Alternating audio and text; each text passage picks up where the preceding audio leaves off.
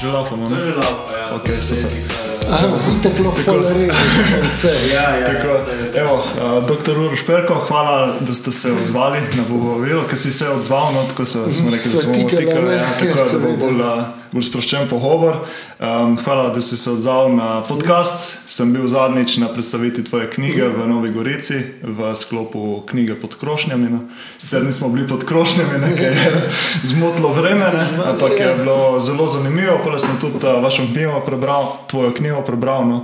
Pa me zanima, tako, um, kje je prav nastala ta ideja za to knjigo, oziroma ta knjiga je izvira iz dizertacije tvoje, ne, doktorske. Pa me zanima, ne boš, da začnemo tle, kje je, Kje je to i- nastalo? Ideja, tako, ideja, oziroma kako Ja. je to nastalo. No. Ker- Nič, prvo, lej, prvo, hvala tebi za povabilo, seveda v podcast. Ne, tako se mi zdi vedno z veseljem. Uh, sodelujem, zdi se mi tudi taka tema, da je dobro, da se čim več sliši. a ne. Se, jaz mislim tako, ne, da je zdaj počasi, ok, zdaj morda malo prehitevam, ne, ampak tako, da je, no, pomembno je, da se govori. Ne, zdi se mi, da ta duh bo všel že malo tako. Ne, je malo všel v steklenice, več o tem lahko uh, kasneje, ne, ker zdaj tudi. Je par ljudi začelo tudi se javno izpostavljati, začelo mm. par športnikov. Ne. Ideja je pa nastala, uh, si, to mislim, sem zdaj že nekajkrat povedal za doktorsko disertacijo. Jaz pač prej sem delal v športu. ne, In v tej zadnji epizodi v športu, ki sem bil, je tisto, kar smo delali, izrazito bilo na dolgi rok, po moji presoji, škodljivo za športnika, in ker ni se nekih sprememb dalo doseči. Uh, je uh, pač enostavno, sem jaz rekel, se tega ne grem. Sem izstopil, uh, no, potem, ko sem izstopil, takrat sem jih doktorat upisoval in tema je samo od sebe prišla, ker jaz sem takrat sport zapuščal z besedo, da je to bolnica. Ne? V bistvu že eno rekel, to je psihiatrija ne? in tema je samo od sebe. Uh, če te lahko zmotim, kaj si delal v športu točno? Uh, v športu je drugače, predvsej tako, ker sem sam nehal se s pleznim ukvarjati, Ja. ja. sem treniral. Uh, sem treniral Uh, pač sem imel svoje plezalne šole, mlade plezalce, A, okej. potem sem bil pa v Smučanju kot A, kondicijski okej. trener, A, okej. to kar nekaj časa, ne v različnih, pa pri par, z parimi različnimi športniki, kar se tiče kondicijskih treningov in tega, ampak potem pa tudi a ne, na neki točki priješ kot del ekipe in tam si pravim to, kar se je dogajalo. a Ne, uh, V večjih različnih si, ni samo ne, v enem športu, ne bi zdaj, da je samo v ne. Mnogo krat gre res prek. Uh, tako, no, ko vidiš, kaj se dela, jaz sem bil precej zaprepaden. Tudi pri, uh, pri, mislim, pri polnoletnih športnikih, ne, ali pa teh, ki so tam 17-18, prehod mladince med člane. Mm. Pa ne samo z vidika duševnega zdravja, to pa se potem odraža na duševnem zdravju. Pa tudi zdaj, če govorimo z tega strokovnega vidika, kar se ve, eh, kar vemo o treniranju, o trenažnih procesih, o regeneraciji, in to gre vse, bistvu, vse mislim, tako pojma nimajo. No? Ne vsi, seveda, mm. ampak mnogi tam, ki delajo, res, tako, res pojma nimajo. Ne? Mislim, tako, ke, se uporablja, pa ne da je vse, kar je staro, delč od tega, uh, da je slabo, ne? ampak niti nekih teh starih. Uh, Starih preverjenih metod ne poznajo, pa grejo bolj na tisto, kar so ne vem, nekateri 30 let nazaj mm. delali, pa so se oni od njih učili, ampak ti teh oni niso več dobro delali. Tako res tako zaprepadne. Mm. Pa po drugi strani ima zraven pogosto krat zelo uspešne reprezentance, ki evidentno delajo diametralno nasprotno, pa to nobenemu se ne zdi, da bi pa morda mm. od tega kaj posnel, ne pa v svojo prakso prines. Tako da, no, odraža se pa seveda potem v raznih stiskah športnikov in ja, in zaradi tega. Na koncu sem jaz potem s tem prekinil. Tako sem je. Pač pa tudi sem se zavedal, da je moja pot druge, mm. no, da to pač sam vrhunski šport definitivno ni to. Uh, tako da potem ta odmik sem tudi jaz potreboval in z tega vam je pa disertacija radila. Knjigo sem pa že na začetku vedel, ker sem začel disertacijo pisati, da, ker to se mi zdi najpomembnejše. In tukaj je doskrat težava, ker uh, ko, ko se dela ne, na nekem znanstvenem, akademskem področju, potem se zelo velikokrat slabo to skomunicira z neko splošno javnostjo. In ne, kot same dizertacije, ali pa te znanstveni članki so dejansko nebrljivi neka uh, splošna javnost pač ne doseže. Niti če mhm. bere, ne ve, kako se interpretirati, kaj je večina. Ne, in to se mi zdi en zelo, zelo pomemben korak, v katerem žal ne, mnogi zares dobri raziskovalci, ki dobre stvari delajo, premalo poudarka na tem dajo. Ne? Tako da meni je takrat jasno, da bo to tudi v taki obliki, obliki pršlo. Mm. Ja, ker prav to, ne, ko si že na začetku omenil, pomeni duševno zdravje. Premalo se govori o tega, ne, ampak zdaj, ko nekdo začne govoriti, pa ko prije neka knjiga ven, potem se začne ta snowball efekt, se pravi, ki pa ja. ne, začne rasti. Jaz dosti spremljam recimo tematiko izgorelosti. In pred leti je šla ta knjiga Tine Bolčina, ki je bila o izgorelosti, in takrat se je potem začel premik tudi v to smer. Tako je fajn, da se govori z menom več o tem, tudi duševnega zdravja, predvsem zato, ker je to nevidno. Ne? Ker pač spoh med športniki, ne? neke fizične poškodbe so vidne, duševno zdravje je pa notrne, te rane so skrite, ampak še vedno so. Ne? Um. Ja, se pravi, jaz mislim, večina se, mislim, vidno, le čeprav motne hranjenja so zelo vidne, ja, ne pa noben, ki so na glas ne govori o tem. Ne, pač, Mislim, tukaj zdaj moramo biti odkriti. Večina nekih športnic, sploh tam, kjer morajo biti lahke, ne, mislim, meni žal, ampak pač tam je vidno, da so, da so anoreksične. Čeprav je res potem, ne, to tudi, ker raziskuješ mnoge, pač imajo to atletsko triado, ne, mm. um, pardon, imajo anoreksijo, atletiko, ne, ki je neka uh, subklinična motnja, ne, ni še anoreksija nervoza, ampak. Uh, lahko pa gre čez, ne? kdaj na kateri točki gre, se ne ve, ne? to so te nevidne meje. Ne? Mm. Tako da pa mnogi potem zdrsnejo. Ampak je evidentno, da imajo ne? Eh, nizko težo, problematično težo. Da so, tako da se vidijo neke stvari, se pa ne vidijo. Ne? In tukaj je težava, kar se pravi, ker ni tukaj Matej Tušek. Profesor mm. Matej Tušek, naš najbolj znan, mislim, športni psiholog, on je o tem tudi govoril, tukaj se z njim strinjam, da ni toliko morda samo neko, kot nek tabu, kot neki zanikanje. Tudi to, ne? ampak mnogo krat jaz tudi mislim, da dejansko je tukaj, da se ne prepozna, ne le to, kar se jih mm. ne vidi, mnoge. Ne? Čeprav vprašanje je, kaj bo tudi, ko bomo ostali bolj prepoznati. Da se to lahko zamikalo ali ne. Da, to, da to ja. še pride. Ne. Je to neprepoznavanje odraz tega, ker se ne pozna to, ali je to, kar recimo v vaši knjigi ste tudi omenjali, da trenerji to prepoznavajo, ampak si nočejo oziroma si nočejo sprejeti, oziroma se nočejo tega zavedati, da imajo njihovi tekmovalci neke težave. E, mogoče ja. kombinacija obojega. Pogosto trenerji spet, ne, ne vsi, ampak dosti krat skupaj starši so precej problematičen člen tukaj noter. Ne. Uh, so problematičen člen in um, mnogi ne prepoznajo, po drugi strani so pa v nekem konfliktu interesov. Ne se zdi, so motne hrane, dejansko to govori. Ne, da, Tudi sami trenerji morajo seveda o tem govoriti, ampak a, potem govorijo, da ja, je problem, se pogovorimo s tekmovalko in tako naprej. Ampak ste zdaj tudi čisto kot trener, ne, pa zdaj če treniraš neke člane, da imaš reči članice, ne, ki so evidentno zaradi tega, ker so lažje, boljše. Ne, mm. Težko, ne, težko je bo zdaj zajezdel, da bo par kil težje, načeloma bolj zdrava pa v pol, ne vem, 10, 15, in se v končni fazi bo od službo. Ne, mislim, tukaj, tukaj se mi zdi, da je to kar, kar problem. Mm. Drugo pa je, ko pa trenerji seveda, ne, uresnič, mislim, se vedno en del svojih lastnih ambicij, ne, ampak uresničuješ. Ampak ko je v bistvu zgolj to pomembno, ne, da so oni uspešni trenerji, ne glede na vse škodo, kako naredijo in težave, je, ker ne, velika večina začenja v v mlajših kategorijah, ne, in potem si pravzaprav neko pot tlekuje, se mnogi itek ne uspejo in ustanejo mm. tam in pa škodo delajo, ne s tem, da grejo prek teh mladih, ne dosegajo rezultate in. Potem so oni uspešni, ker imajo cilj, vem, da bojo trenerji v svetovnem mm. pokalu, ne, tukaj je potem problematično. Ne.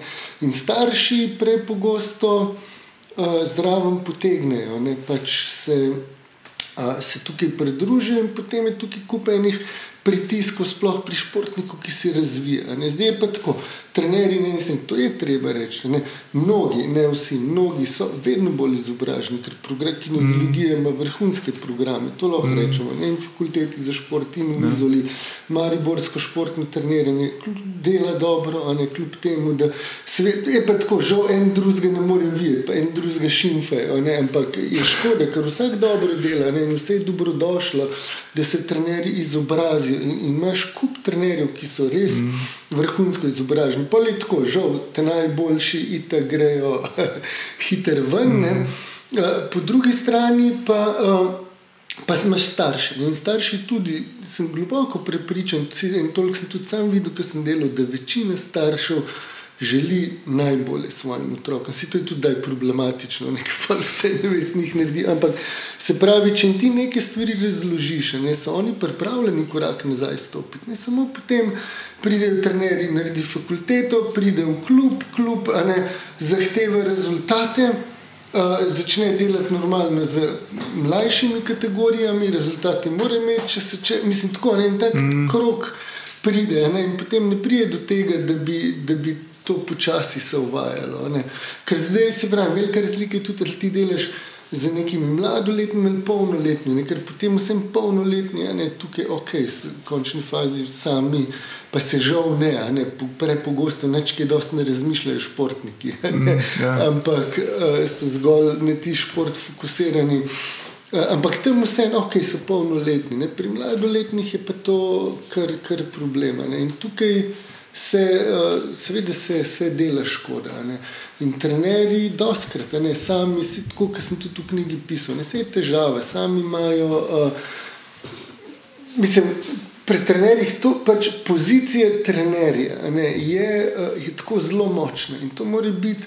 V bistvu moraš biti precej zrel, ne, ker mm. imaš moč, ne, dejansko je treba tukaj avtoritativno, kdaj v končni fazi tudi uh, do neke mere avtokratsko, če češ ne. Uh, Postopati, ampak zato seveda mora biti zelo zrel posameznik, če ne hitro zlorabi svojo moč. In to ja. se prepogosto dogaja, in pol trenerji so tako zelo domišljavi, ratajo, pa prevzetni, zelo hitro, ja. tisti, ki ki nimajo dovolj znanja. Ja, ker eno, recimo, ko sem bral vašo knjigo, je ta primer, recimo, ki ste napisali noter izpoved tenisača, nekaj potem ja. je potem iz igre na srečo, je rekel, da njegov trener je bil preveč popustljiv. Ne. Na drugi strani imamo pa tekmovalke, ki pač morajo biti lahke. Tisti strani so pa tisti trenerji malo preveč avtoritativni. Mogoče kje je ta meja, uh, koliko ja, moče mora biti uh, trener. Ne. Njegov, uh, trener tega ni bil popustljiv. Ne. Problem je bil, ker ni nič reagiral. Ne. A, ta okay. ta tenisač, ko je pisal, on je začel pri 15. Ne bil je pač državni prvak, vse začel je z športnimi stavami, nekaj to not potegnilo in mm. on je začel postajati zasvojen. In s tem, bolj ko je postajal zasvojen, bolj je Seveda se je poznalo tudi na področju treniranja, tekmovalnih uspehov. In on, kar tukaj poudari, je to, da je trener vse to vedel mm. in, ni, in se je delal, kot da ni nič. To tukaj je problem. In trenerji mnogo krat pa so priče zraven, ko vejo, ne, da tekmovalci ali pijajo, ne vem, ne. Ehm, imajo um, te anoreksične vzorce, kjer uh, se ne, uh, neč ne jejo skoraj, ali pa karkoli pojejo, pa ekscesivno telovadijo, ali pa bruhajo, kdaj tudi ne, in, mm. in se delajo, kot da, kot da nič, nič ni. Ne. To tukaj je bolj ta problem. Ja. Da, uh, Na drugi strani imaš, imamo po, potem tiste, ki so malo preveč avtoritativni. Ja, Kje potem dobiti to mejo? Ta, ja. ta moč, to mora biti ja. pač neka zrela osebnost, ne, ki zna med tem krmariti. Mm kdaj stisniti tudi z psihološkega vidika, ne, kje spustiti. Ne, tako da. Uh, In jih to verjetno tole, ta, teče. Ja. Lih ta vrednota potem naredi ja. dobre trenerje, ne, da ja. vejo, kdaj stisniti in kdaj pa popustiti. Odvisno, ne, imaš ti tukaj ekipo dekletne, imaš ti ekipo ne vem, tako se spomnim ekipo, pa ne, ne vem, vsak dan čisto zmagal, ne, jaz mm. pač sem že mal star, govorim o teh ja. starih trenerjih, takrat, ko smo še na športno gimnazijo hodili, pa smo to spremljali. Ne. Uh, pa meni takrat seveda njegov pristop, ki sem pač tudi sam imel težave z avtoritetami, uh, ni bil blizu, ne, ker on je bil izrazito avtokratski, ne, tam je tiste uh, košarkaše, ne, se znaš, ampak normalno, ne, če imaš ti tam 17-19 let stare mlade junce, ki kar naenkrat tudi rade popularni, dobro, mm -hmm. dobro plačo dobijo, in tako da jih moraš do neke mere seveda tudi stiskati. Ne. Ampak pa je pa treba tudi nekje malo tako, ne moreš ta občutek, nekje pa malo mm -hmm. spustiti, kjer mu pa. Ker mu pa to lahko ga zaustavi, Tako da tukaj je treba nek, ni ne samo eno ali pa samo ne, drugo. To je ta trenerski neko, čut, ki ga imaš, pa ga nimaš. Ne, ne. Ne, pa tudi človek v končni fazi lahko biti. Ne. Tukaj je tudi si pravi, doskrat so neke bolestne ambicije v zadnji, ki potem veste, vse drugo odpade. Sam to pomembno, da, da ti rataš ne, nek top trener na področju svetovnega pokala. Ne. Pač eni za to imajo kapacitete, eni pa nimajo. Ne, tako, to. Ja, ja. Zdaj, se, prej, prej si omenil smutanje, oziroma v knjigi omenjaš smutanje, oziroma težave z alkoholom. Tudi ja. zdaj si omenil, zato sem te vprašal, kaj si delal predtem, ker nisem videl povezave s knjigo, ker si omenil uh -huh. smutanje, pa trenerji, fis. In velik problem ja. je alkohol. Um, in sploh Recimo, ker sem poslušal zadnjič tvoje, tvoje um, predavanje o knjigi in tudi potem skozi knjigo, si nisem predstavljal, da je alkohol tako velik problem kot je v športu, oziroma v vrhunskem športu. Pa mogoče lahko začnemo kar malo pri tem alkoholu, pa potem gremo na ostale stvari, ki si jih še omenil v knjigi. Um, je kar velik problem, ampak mislim, mislim da se ne zavedamo. Alkohol je problem, ker mislim, da je velik problem. Zavedamo se pa ne, ker pač smo slovenci mokra družba, ker pač pijejo vsi. Ker je to nekaj najbolj normalnega. Problem je to, ne, ker to, kar sem na smočarskih tekmah doživel, ko prideš ne, in na teh tekmah najvišjega nivoja ob desetih zjutraj, trener med prvim in drugim tekom pije pivo. In to se zdi vsem normalno, mm. ker pač v Sloveniji to je normalno, ker med malcem ob 11. spiješ perne. In to ne, redko kjer pomisli, čakaj, to pa nekaj ni v redu, valjda, da ni v mm. redu in valjda, da ni normalno. In uh, ne, mnoga pitja alkohola se zdijo tukaj čisto normalno, pa so v bistvu že zelo problematične. In mi smo v stanju alkoholika prepoznati, res prepoznati v tisti zadnji fazi, ki se veš sam še v, v jamo zvrne, mm. ki se čist zapusti, ki čist propade, takrat rečemo, da ta pa je alkoholika. Uh, v drugih fazah pa ne prepoznamo, pa, pa so ravno tako, seveda, že alkoholiki. In pač med trenerji je, ne, vse tako sem pisal, pač ta tenisat sam, ne, potem, ko ni več bil dovolj dober za igrati, kaj je postal, ne, o polni zasvojenosti z uh, mm. športnimi stavami, on postal trener najmlajših. To je zadnji, mislim, ne, mm. popolnoma neprimeren za kaj takega. On je pol delal par let z njimi, ne, ob te za svoje, mislim, tako. Mm. Zadnje, kamor bi hotel otroka dati, ne, v neko tako okolje. Tako da, uh, ne, če se pa še nazaj vrnem, najhujše pa je, ker ne trener, ne starši, noben ne pomisli, da bi pa šport. Morda lahko tudi kaj slabega bilo. Ja. Vse sem dobro in vse, kar se dela, ne more več škoditi.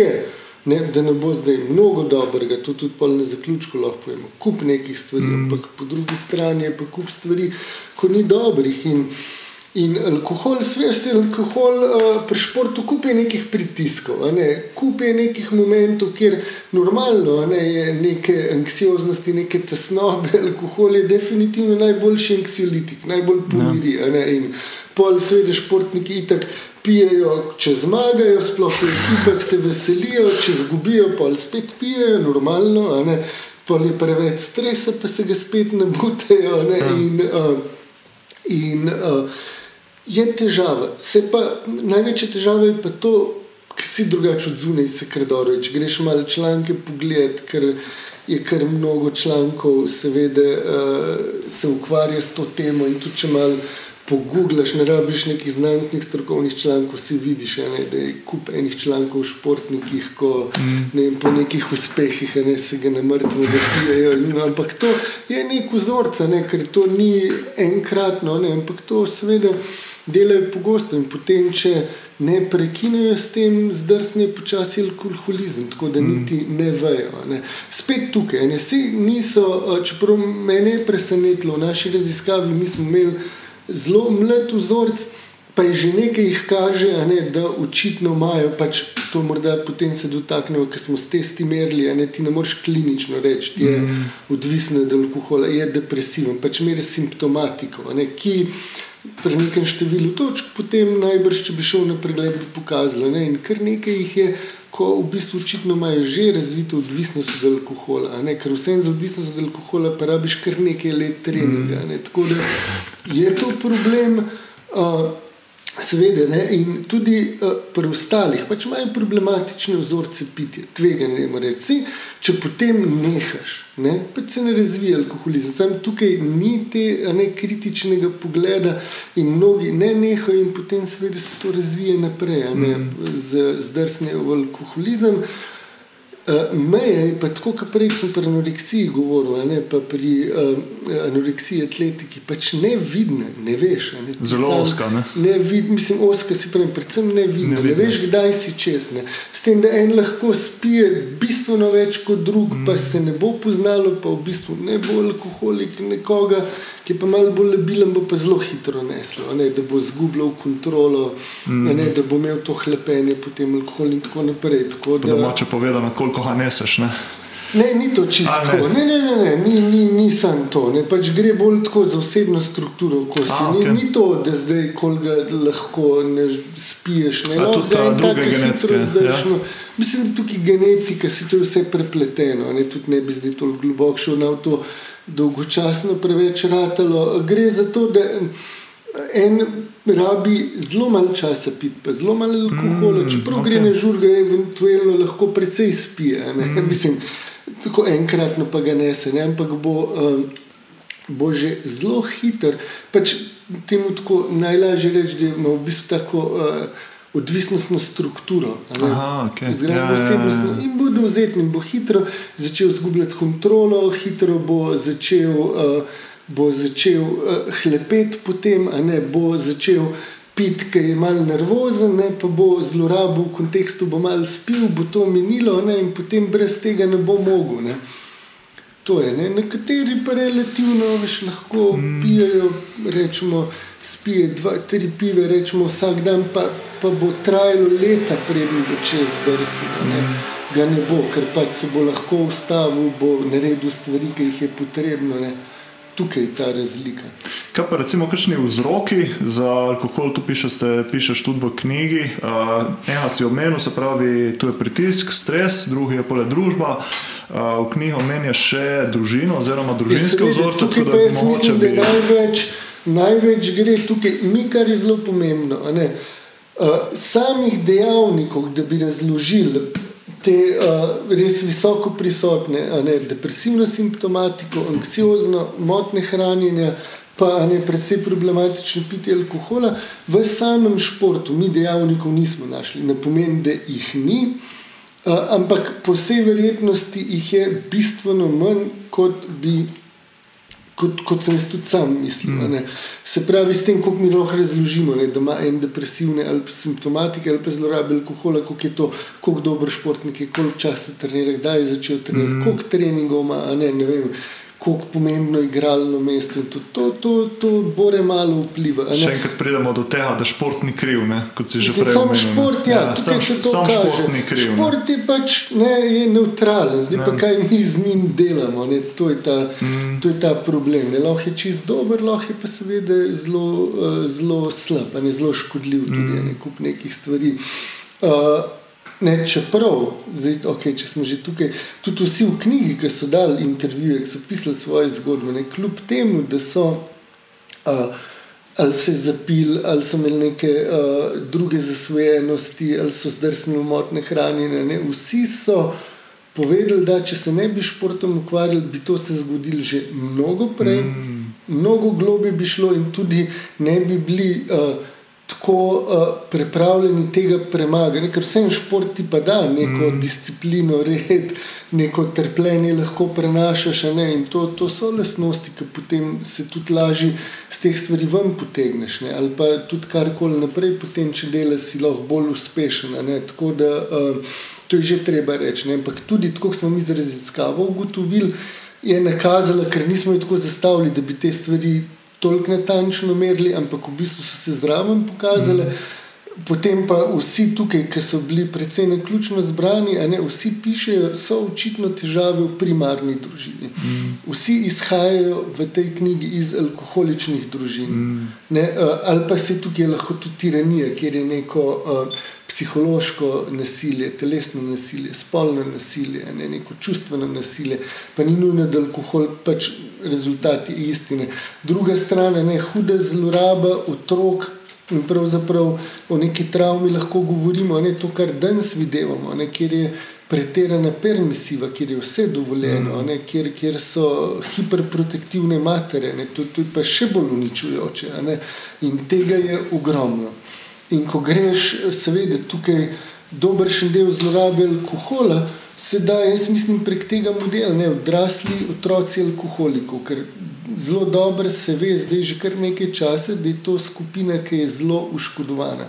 Ker pač otrok odrašča v alkoholični družini, vse, kar je za njega, se naredi, je v bistvu narobe. Vse, kar mm. starši je napačno. Ne? In so seveda uh, oškodovani, poškodovani, in ko odrastejo, kup ene patologije razvijajo od seveda v prvi vrsti zlorabe alkohola, ne velik procent jih potem sami zapijajo, do raznih drugih tveganih vedenj, promiskuitete, do moten hranjenja do, ne, in tako naprej. In zelo podobno, kar tudi v športu vidimo, rečemo, ne morejo. Dokončavati stvari, ne tudi mnogo športnikov, ne tisto, ko ne more pike ne ideti, ali pa naprimer, ki se ne došolajo. Čeprav imajo uh, Ne, redko, ker bo rekel, da nima časa, da šole dokončane. Vse je ok, nekateri morda nimajo kapacitet ali pa druge razloge, ampak mnogo teh, pa jaz mislim, da lahko se ravno tako, ta skupina odraslih otrok, alkoholikov, ne znam, tipično ne more stvari dokončati, mnogi ne morejo do šole, so mm. falirani, da tukaj lahko se tudi ta del pripiše, zakaj ne, so vsi mm. Niti večina športnikov nima, dokonča, nima izobrazbe in tega, ker ne vem, če ti namaze dokončala, rečemo, Franci, mm. Petek, ne, to so športniki, ki so res veliko kol, ne, ki, ja. mislim, tako, ne vem, zakaj nek odboj, kar ne bi mm. mogel doštudirati. Ne, ok, si normalno, da ne v štirih letih, ne, ali pa neko še kaš, ampak v razponu, ne, osmih, desetih let, ne, pa seveda lahko, ne. Tako da tukaj, ne, se pozna in uh, In uh, jaz mislim, da to ne, z primarnimi družinami se mrzke da razložiti. Mm. Dejansko tukaj je to, ko iz teh nekih nemogočih razmer pravzaprav pobegnejo v šport. Mm. In točno to zdaj, pa seveda jaz to, ker sem potem v knjigi malo več prostora imel, sem malo širše interpretiral, uh, sploh tukaj z teh znanstvenih krogov je to vedno malo problematično, ne, pa, sploh ko se dotakneš alkohola, sploh ko se dotakneš primarnih družin, ne, to nekako vse je malo na pol sveta, v tem se niti tikati ne sme. Ne. Uh, pa se pa res sprašuješ, šitne, kaj pa če morda malo to preveč peleš, ne, kaj pa če to. Ne, morda malo greš pregloboko, ampak ravno prejšnji teden je Jani Brajkovič v tem pisal ja. zelo odmeven intervju. Žal, večina ljudi seveda ga ne bo razumela, ja. ne bodo umela pomembnosti so tudi v kontakt stopili. Ampak on piše na tanko iste stvari. Ne? On je povedal, ja. si točno pove, ne? da mrzikdo zaradi tega ne bo maral, ampak da je pač povedal, ne? da on pravi, si za vrhunskega kolesarja. Mm. To bi lahko posplošil, moraš biti pač vrhunsko traumatiziran, traumatiziran ja. in govoriti o tem, kako je svoje telo zlorabljalo, kako je v bulimiji 15 let tekmoval ko pravzaprav naslednja stopnja je, če ne bi vsem tem zaključil. Ja. In ker to tudi potem po končani karieri se še kar naprej vleče, pač na drugih področjih, da je pravzaprav sam še smrt. In, on, in To pač potrjuje. Ja. Mene je zanimivo, recimo, kar je prav omenil, ne, ta, da so se pravi neka čustvena nezrelost bila v njegovi družini oziroma mm -hmm. v mhm. okolju in kako ta potlačenost čustva so mm -hmm. potem gnala v to, da, yeah. Ja. noče, da ni hotel biti v stiku s svojim telesom in mm -hmm. tudi potem šport. Kot edini orodje, kako izražati ta čustva, oziroma kako sprostiti to napetost, hkrati pa s kolesarjenjem, kar res hud šport, vzdržljiv šport, je hkrati izčrpaval svoje telo, kar je povzročilo, da je še bolj bil pod pritiskom ne? in potem ja. je rado ta višji cycle, ko se reče. Ne? Ja, se je začaren krok, ne, to je v bistvu čisto odvisniški vzorec tukaj rata. Mm. Tukaj seveda je kup neke tesnobe, kup nekih občutkov, čustev, če hočeš, ki se jih ne da sprostiti. In potem imaš ti to šport, ki je nek tak dober filter. Ne se zdaj v nekih. Uh, nekih normalnih uh, količinah je to čist ok, ne? če znaš potem tudi ostale probleme, če jih potem rešiš. Ne? Ko, uh, Ko se pač ne diha, sprostiš mm. in potem normalno stopiš. Tukaj gre pa ekstremno, gre pa v športu zelo enostransko in to pravzaprav postane odvisnost. In potem je tako, kot pri vsaki odvisnosti, ne gre tukaj za neko ne, izgubo kontrole, za neko sprostitev, ne, kateri sledi Potem, uh, tako ste dve faze, ne, se reče to acting in acting out, zdaj ne vem, kako se jih posloveni, ne, mislim, da vzdejanjanje je acting out, pa da ni tako važno. Ne, in to pa skozi snihaš, nekaj časa tisto delaš vse, uh, veste, zelo sketsko, ne, in potem, ko gre to mimo, športniki se trenirajo, pripravljajo. Ne, uh, In mm. potem pride tekma, ne, in po tekmi, veste, pa to vse se sprosti, ne, in teden dni pol pijanke, ne, in razvrat, mislim, tega je mm. pogosto, ne, pa se sezone neha. Ne. Uh, pri nekaterih ne, je sam acting out, naprimer, stalno, ne, ker drugače itak. Ne, je, ali utopijo bolečino, predvsem, da se tudi ne čutijo nič, ne so utopili in pravzaprav jih to potem uh, na nek način sprosti, na nek način začutijo sploh sebe, ne prek teh sploh ekstremnih športov, ne, to je tako izrazit act out. Ne. Uh, pogosto je pa seveda to nihanje, ne, kjer se stalno izmejuje. Ne, in to je popolnoma odvisniški vzorec. Mm. Da, Ker nikoli ne moreš dobiti dovolj tega, ne, ja, seveda, se pa lepo nauči. Stalno več. Ne, in tukaj se. Eh, tukaj se potem popolnoma uh, izčrpaš. Ja. Meni je bilo zanimivo, recimo, če se ustavimo še malo pri Janju Brajkoviču, ki so prej omenili, je tudi rekel, da kolesar mora biti vrhunsko traumatiziran, za, ja, da postane vrhunc, vrhunski športnik. Um, a misliš, da je vedno tako, ali je lahko tudi, da pač on je verjetno mislil, predvsem ta, da moraš biti traumatiziran, da se oddališ v telesa, da lahko pripraviš telo. Ne, je... če sem tako mislil. Ali kako je to? Uh, tudi to se lahko. Ker jaz sem recimo to... tu zastopil, kot če hočeš iti še svoje telo, se pravi, če mu hočeš, da ja. to, dovoliš toliko bolečine, moraš biti traumatiziran, mm. da se oddališ v telesa. Mm. Ali, e, morda bi najbolj dejanje, da ti podcast ne rečeš. Mogoče. Ja.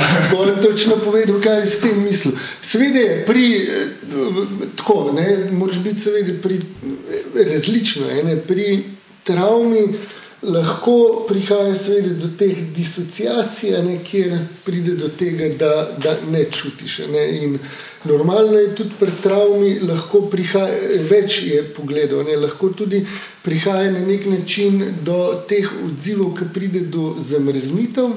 Mm. A, do zamrznitev, kjer isto ne, je posledica, seveda, nič ne čutiš. Ne. Ja. Nič, nič ne čutiš, ne, potem. A, to lahko, drugo, kar je, je pri traumatizaciji, kar Jani tudi govori, to, ne, tukaj še dodaja zelo pomemben ta kontekst. Da ne, te odraščaš v okolju, kjer nisi dovolj dober, kjer mm. nisi vreden, ne, kjer karkoli narediš, ni dovolj dobro. In tukaj je potem ta povezava ne, s to travmo, na to se ne cepi nadkompenzacija. To pomeni, ne, da ti potem prekomerno, a ne ustrajaš v čemer koli, tudi v nekem pravzaprav tem. Uh, ne, trpljenju v športu, zato da dokažeš, da si uh, dovolj dober. Mm. Ne, ker stalno to, smo prej govorili, tukaj se ta blazna škoda naredi, ne tem se tako narcisistične rane, ki naredijo trenerji starši, ko pritiskajo, ko grejo čez vse, ko nikoli ni več dobro, otrok pa rabi. Mm mm. da dela dobro. Da, se, ne samo to, ne, tudi rabi poraz, ne rabi kdaj neko krivico. Ne, ampak če stalno, ne, če, če imajo starši, trenerji neke nemogoče želje. Ne, ne mogoče ambicije, ki jih ta otrok ne more doseči, ne, dobi seveda občutke manj vrednosti, dvom vase in na to potem se nalepi ali popolne dekompenzacije ali nadkompenzacije. In tukaj je Brajkovič rekel, da tudi to, ne, naslednja faza je samo še smrt, pač oboje se, oboje mm. se pač zelo slabo konča, če se na neki točki ne prekine. Ne? Samo mm. drug konc palca. In ta nadkompenzacija, seveda, ni najbolj učinkovita. Ne? Tudi jaz sam v svojem primeru lahko povem, jaz danes vem, da če bi res več kot pol manj treniral, bi imel bistveno boljše uspehe. Mm. Ampak dobro, pri kolesarjenju je pa ja, to nujno, pa še mrzke, mm. ker morajo res nalagati, pa se v mnogih športih. Ne? In tukaj ne stalno trenirajo, trenirajo, da dokažejo, seveda, da so oni dovolj dobri. Zdaj težava pa je, da ker je stalno ta črn, ta dvom vase, ne, da ite karkoli dosežeš, ne, si pa potrebuješ to globoko, v nezavednem, vseeno, a ne sporočilo. To introjekt, ki ponotraniš globoko, trenerju staršu, da nisi dovolj dober, a ne da ni v redu, kar narediš. In pravzaprav pride potem vedno do neke na koncu samo sabotaže. Mm. Ali al spadeš, ali odstopiš, povoziš kov, ne, ne, v bistvu gre za neko samo kaznovanje, mm. bi lahko tudi tako psihoanalitično rekel, kjer potrjuješ sam sebi ta star vzorc. Mm. Da nisi vreden, da nisi dovolj dober. Zdaj, lahko tudi rečeš, da je to strah pred uspehom ali neuspehom, ni to gre pa za to dinamiko, a ne mm. globoko v večini uh, primerov. In tukaj pri slovencih je to mnogo krat žal zelo izrazito, ker vse ne odraščamo okoli tako, kot mm. francozi ali pa američani, ko od malega vzgajajo s tem, da, da si. Uh, Ne, da si vrhunski, da si vreden. Ne, mm tudi samo s tem, ne, ni, ni teh najboljših, ampak je seveda je pomembno, ne, mm. da otrok tukaj dobi potrditve, da je dober. Morajo pa zato tudi kaj narediti, ker danes mm. pa se dosti krat, ne sicer v športni tok tega, ne, so, ne si vsak otrok normalno, je čudež, ni pa čudežen, ukvarjamo se mm. pa, da so čudežni, ne sploh tukaj te mame, ne, brez da kar koli naredijo, so to mali geniji. Ampak taki načeloma ja. niti ne pridejo v šport, ne, ker nimajo te sploh. Te tolerance, frustracijske toliko. In tukaj ven, jaz mislim, da, ja. mislim, A, okay. da je ta neka, neka travma, ne, na katero se nacepi, nadkompenzacija, da ti sploh potem vse to, te frustracije, vse te napore, trpljenje lahko zdržiš mm. in greš, greš čez njej. Ja, ta vzorc mi je kar um, dokazovanje, oziroma da čutiš, da, si, da nisi dovolj, da se moraš skozi dokazovati. Tudi meni kar znano, no, se pravi, sem bil tudi športnik, pa vprašanje, skje izvira, to je še iz družine ali pa le šport ustvaril. Ampak ja, delamo na tem, da pač ne. Ampak je res, pole občutiš ta pritisk, da se moraš skozi nekomu dokazovati neki imaginarni sili in tisto te pole sili v izgorelost, izčrpavanje in to. Mi je bilo pa zanimivo, mislim, da si zadnjič na predstavitvi Kini omenil, da v bistvu ta vzorec, da nisi dovolj, da se moraš dokazovati, lahko tudi na koncu prepreči vrhunski rezultat. Ne? Ker v ja, bistvu, ja, ti ja, govori, sam ja. sebe kaznuješ. Ti ja. pač ti v mladosti utrdiš ali pa kot otroka. Ne? Da, seveda, ne, karkoli narediš, ne, ne dosežeš teh visokih, mislim, bolnih meril, staršev, trenerjev.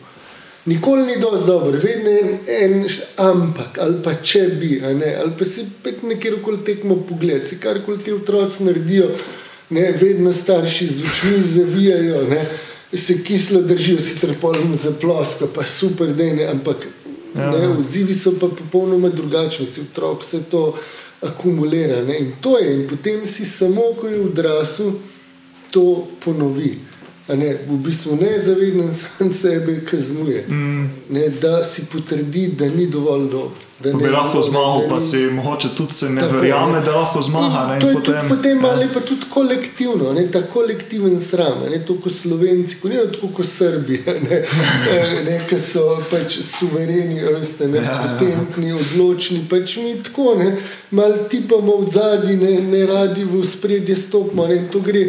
Vse to danes vemo, se transgeneracijsko prenaša, ne? in v bistvu ta sram, in da mm. seveda sram, ki je nedvomno povezan z dvomom vase, a ne dvomom v lastne sposobnosti, mislim, da si potem na istem. Ne? Vse to tukaj imamo in to se na mnogih velikih tekmah uh, precej odraža. Ne? Problem je pa, ker seveda mnogi tudi trenerji tukaj tega ne razumejo. Ne?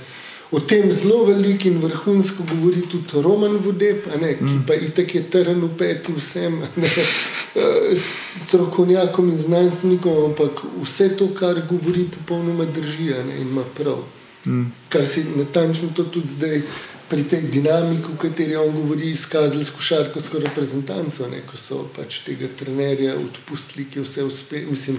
Ne, in potem to tekmovalko izločili, to košarkarce, ja, ja, ja. in, in se Na s tem Grkom nič, ne. nič niso dosegli, Ja. ja. ker normalno, da veljajo neka določena pravila, ne, kako to sem že na začetku omenil, kako morajo v moški ekipi trener in normalno tudi v ženski ekipi mora trener neko svojo vlogo odigrati. Ne, in oni morajo biti neka pozitivna očetoška figura, kamor grejo pozitivni transferi in če pač teh stvari se ne zastopi, pač potem nimaš rezultatov. Ja. In škoda, ne zdaj za to domače državno prvenstvo, ampak ja, ker smo takrat so bile dinamike. No, mogoče zdaj gremo na tudi to drugo tematiko, ki si jo obravnaval v knjigi, se pravi, malo si že omenil to motne hranjenja in prehrano. In so predvsem, meni bilo zanimivo, recimo v knjigi, ki si omenil, da ne vse športnice, ki imajo med športom težave z anoreksijo, potem tudi pridejo ven z tega in nimajo več tega. Nekateri imajo, oziroma nekatere pa nimajo, pa gre- grejo mogoče hitro ven z tega. Um, to mi je bilo recimo zanimivo, pa sploh na splošno ta motnja hranjenja so sploh taka malo dobra tema za raziskati. No. Um, Se to je tema, ki je najbolj raziskana dejansko, ker tudi Mislim, to največ je vedno. tudi ne. na podkastu. ne, tako. Za, ja, za ja. raziskati tukaj na podkastu, no, tako sem okej. mislil. ja. Ja, mislim, zdaj ta del, ko praviš. Ja. Ne, uh, Pri motneh hranjenju, da neke športnice, mislim, razlika je ta, da ni kljub temu, da izgledajo anoreksične vse, ne, kar se je že prej dotaknilo, niso vse anoreksične ne, ali pa bulemične. Eh, Pač je ta subklinična, ne, ko ne dosega vseh, se pravi, simptomi so enaki, ne, ampak vseh kriterijev teh kliničnih pa ne dosega ne, in to je anoreksija atletika. Pač, če gledaš tekmovalke, anoreksične pacijentke, pa naprimer športnice, ne, simptome imajo isto, nič ne jejo, uh, ne, imajo zelo nizek body mass index, a ne pod 17, pod 16, imajo uh, izredno nizek krvni tlak, ne ta razna zaprtja. Uh, Uh, hipotermijo, zebe jih in tako naprej, uh, ne, na zobovju se poznajo spremembe, ne vdrte so, ampak uh, Pri, ni pa, kaj je tista razlika. Ne, ne, pri tekmovalkah ne, ne bi bilo te psihološkega distresa, pri, pri tej anoreksiji atletiki, ne, se pravi pri ja, športnicah, športnice. a, tega psihološkega distresa. V prvi vrsti te motene telesne scheme. Ne, oni načeloma vejo, da hujše zaradi rezultatov. Mm. Ko se pogledajo v gledalo, pač vidijo, da so suhe, najbrž ne toliko, kot so zaresne. Pa ostalih teh družinskih, ne, ker vse motne hranjenja, ne v prvi vrsti se pa ve, ne točno z kakih primarnih družin zelo določenih izhajajo, da tega ne bi bilo. Čeprav to tukaj je zelo vprašanje. Ne, in morda to ne morem trditi, je ta jeziček na tehnici, pa se to prevesi ali ne. ne. No, in mnoge tekmovalke, potem, uh, ker ni tega psihološkega distresa, ne, ne razvijajo anoreksije nervoze, ne, ampak postane pri tej anoreksiji atletiki. Razlika je pa ravno v tem, da se ne, z nekimi kliničnimi prezgledi uh, se ne zna tega ločiti, pa prepoznati, ampak ko zaključijo kariero. Če one niso anoreksične, ne, ampak je pač ta anoreksija pač zgolj neka športna anoreksija, mm. kjer je zgolj v namene športne, one v par mesecih nazaj pridejo v normalno stanje. Mm. In to seveda, če pa uh, anoreks, anoreksične pacijentke, pa ne. In tudi športnice, ki so anoreksične, je potem to skoraj da vse življenjski boj, če so dosti dolgo tudi v tem noter bile. To je ta bistvena razlika. ne. Um, Kere pa so, kere ne, ali pa kdaj bo nekatera češla. Mi smo prej rekli, je pa to, ne moreš vedeti, ne, črta je nevidna. Ne, pač prej mnoge grejo čez, pa tudi športniki, seveda. ne. Ja, pa eno vprašanje sledilca oziroma sledilke je bilo, kako mislite, da, da naj se športniki spopadajo z motnjami hranjenja, če v klubu ni priskrbljenega psihologa, psihologinje? Uh, kako naj se spopadajo? Težko je tukaj zdaj dati samo eno, uh, eno um, zdaj reči tako, pa tako, ne treba narediti. Uh, zdaj so mladoletni ali so polnoletni. Mm. Težko, ne sploh če šport zahteva nizko telesno težo. Ne, to je, je velik problem. Tudi psihologi, kako imajo tukaj vloge, jaz jo ne vidim. Ne, mm. temu, da na svojem področju delajo vrhunsko, ampak oni se ukvarjajo, da dosegajo športniki vrhunske rezultate. Mm. Se pravi, tukaj je težko, če moraš športnik biti, da ima reči, ne vem, gimnastiko, športno plezanje, da se v bistvu prevečina športih pri atletih, ne morejo biti lahki. Ne. Tako da tukaj je to velik problem.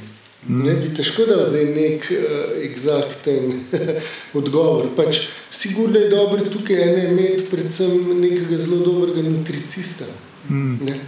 Uh, rečemo tukaj, zato bi bil mnogo bolj primeren odgovor, kako uh, nadijo rotovni kozek, tukaj mm. ali pa katero drugo, ki je jaz to mislil, da tukaj je treba tu nutriciste. Eh, kjer potem eh, sestavijo jedilnika, ne, da je teža še tista na varni meji, pa hkrati mm. vse potrebno dobijo. Ne. Eh, Sam težava je potem, če so tukaj pritiski ne, ali pa ta misel, da okay, malo še zgubim teže, pa bom ta kvalitetni preskok mm. naredila. Ali pa druga težava je, kar se dogaja, ne, to vem, ker pa so me tudi nutricisti sprašvali. Ne, ko, kljub ne jame nutricista, ne, ampak z nalogo, da tekmovalka skuša. Tekmovalka ima pa že tako body mass index 17, pa 15 let. Ne. Pa se ne smemo, da je že pod unim mejo za anoreksijo ne, in ima to nalogo. Ne. Tako da tukaj je to kar kar velik problem. Aha, zanimivo se pravi, da je malo bolj pravi, pomembna tudi kvaliteta prehrane, kot pa psihološka plat. Mogoče je bolj, se pravi, da se bolj fokusiraš na te makrohranila, mikrohranila, da res dobiš vse vitamine, minerale, da mogoče telo, čeprav je shujšano, ne strada ne? in potem mogoče ne prije do teh vzorcev. Pač vse je prepleteno, ampak ja, ja, tukaj je tudi mm, to. Ampak, nisem kup pomislil. Ker vsi, v bistvu, po mojem, vsi mislimo, da to so motne hranjenje, vse zvira iz psihe, glave. Mogoče pa, če telo. Ne, le, izčrpano, potem ja, laže se kaj za to. Razvije, ja. veš, tudi, kdaj je problem, veš tudi to. Ne, športniki enostavno zaradi. Um, Ne vem, nimajo možnosti dovolj hranil unesti. Ne, ne vem, grejo nekam, so ja, v nekem okolju, kjer veliko trenirajo, kjer ni ustrezne prehrane. Ne, in potem tako je prepleteno.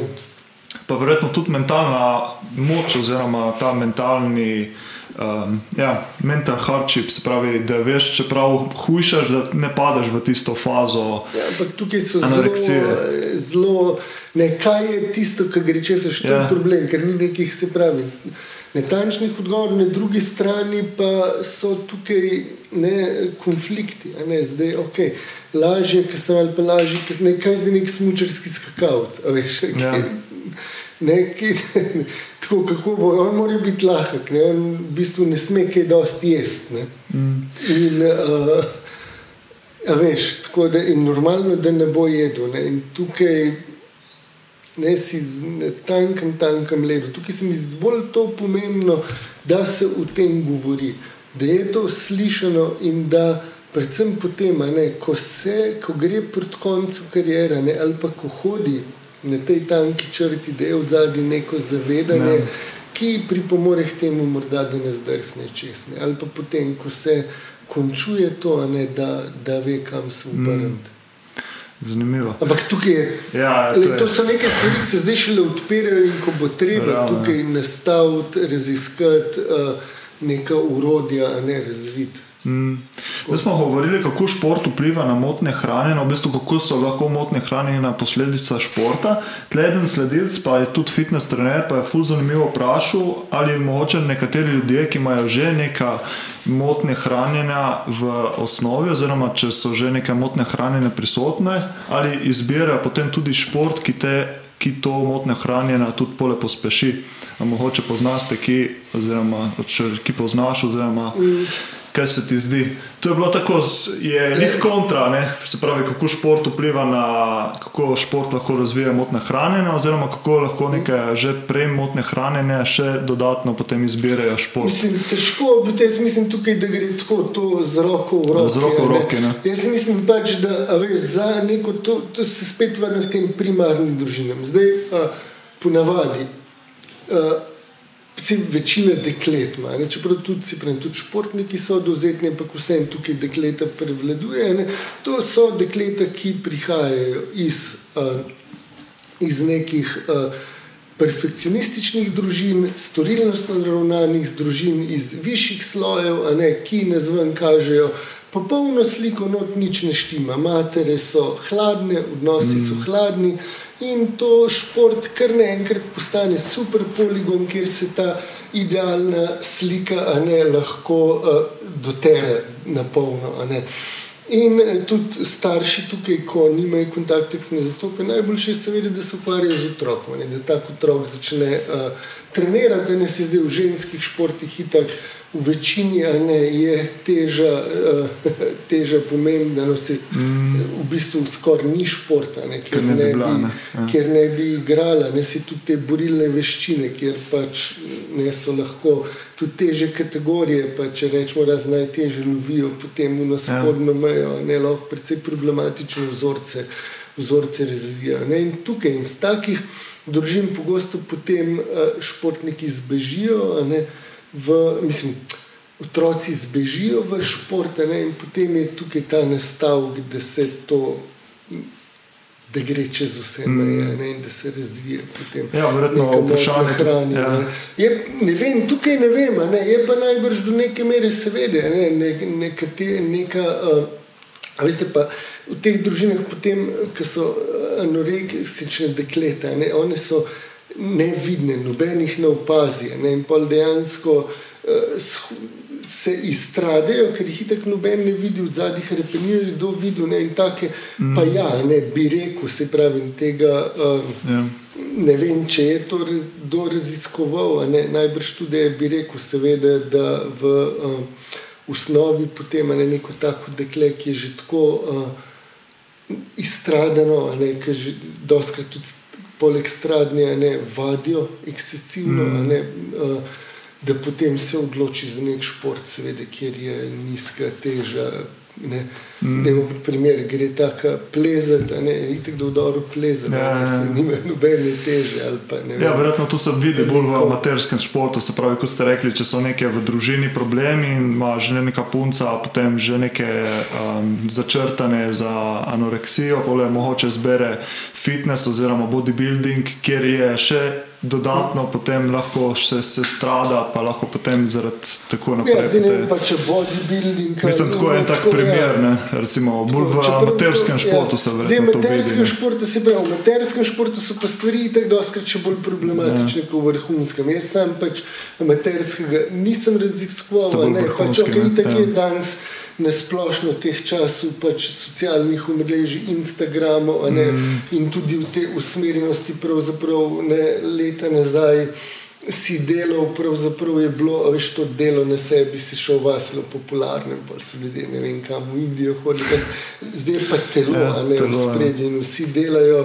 Na telesu in sploh kar se fitnesa in to tiče, mislim, da morda ni to problem anoreksija, ne kot je tukaj problem bigoreksija, ortoreksija. Mm, ne, ortoreksija, ja. Kjer pač si, bigoreksija pa vemo, da je uh, samo obrnjena anoreksija. ne.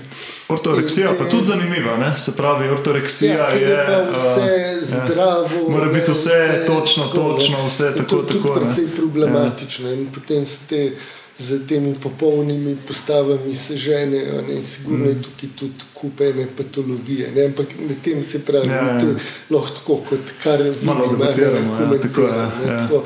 Zdaj pa, ko gre pa to čez v vrhunski šport, je pa druga zadeva. Ampak se ve, a ne, tudi rekreativni kolesari. Ne? Zelo problematično, ne, Eh, zelo problematičen vzorec mm. ljudi, s katerimi se tem ukvarja, ali pa bodybuilderji. Ne. Ja. Pač, ne.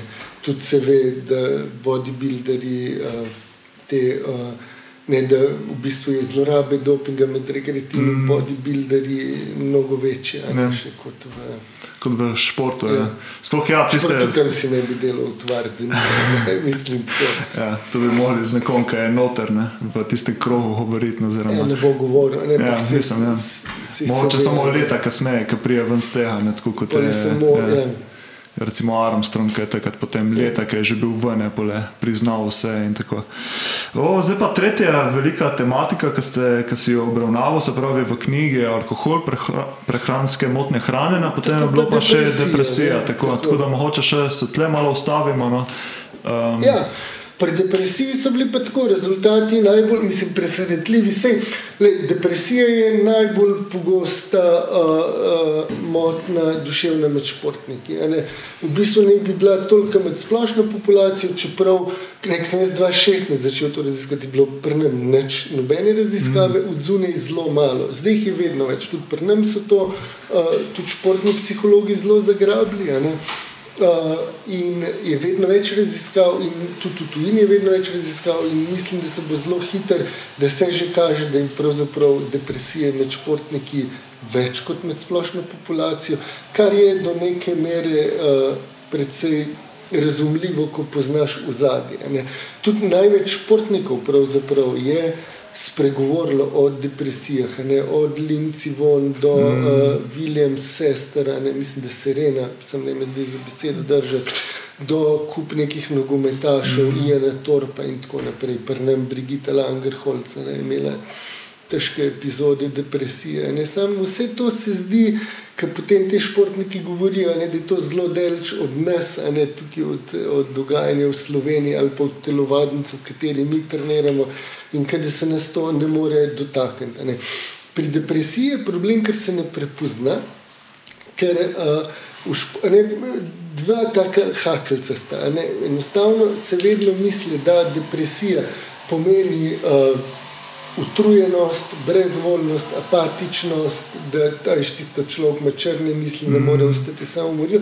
Ampak ne, ne, imaš pač eh, mnogo pač izredno heterogene slike depresije. Se pravi, kup nekih različnih simptomov, vse lahko depresijo pomeni, a ne kar v končni fazi, kar koli imaš, pravzaprav si lahko depresija. Ne, tako da imam tudi prek tega gledati, ne, da itak, ne, tudi vsak je mal žalosten ali pa vsak Ja, športnik, ki se mal sooča z nekimi neuspehi, a ne pa je mal, ne, mal uh, žalosten, mal brezvoljen, itak da ni depresiven. Ne, čeprav po drugi strani je pa ta agitirana depresija, ki se izraža v hiperaktivnosti, izrazitem nemeru, ne v, v uh, nekem nezadovoljstvu, ne v. Um, V zlorabi alkohola, ne, to pa noben ne prepozna, in tega pri športnikih je ogromno.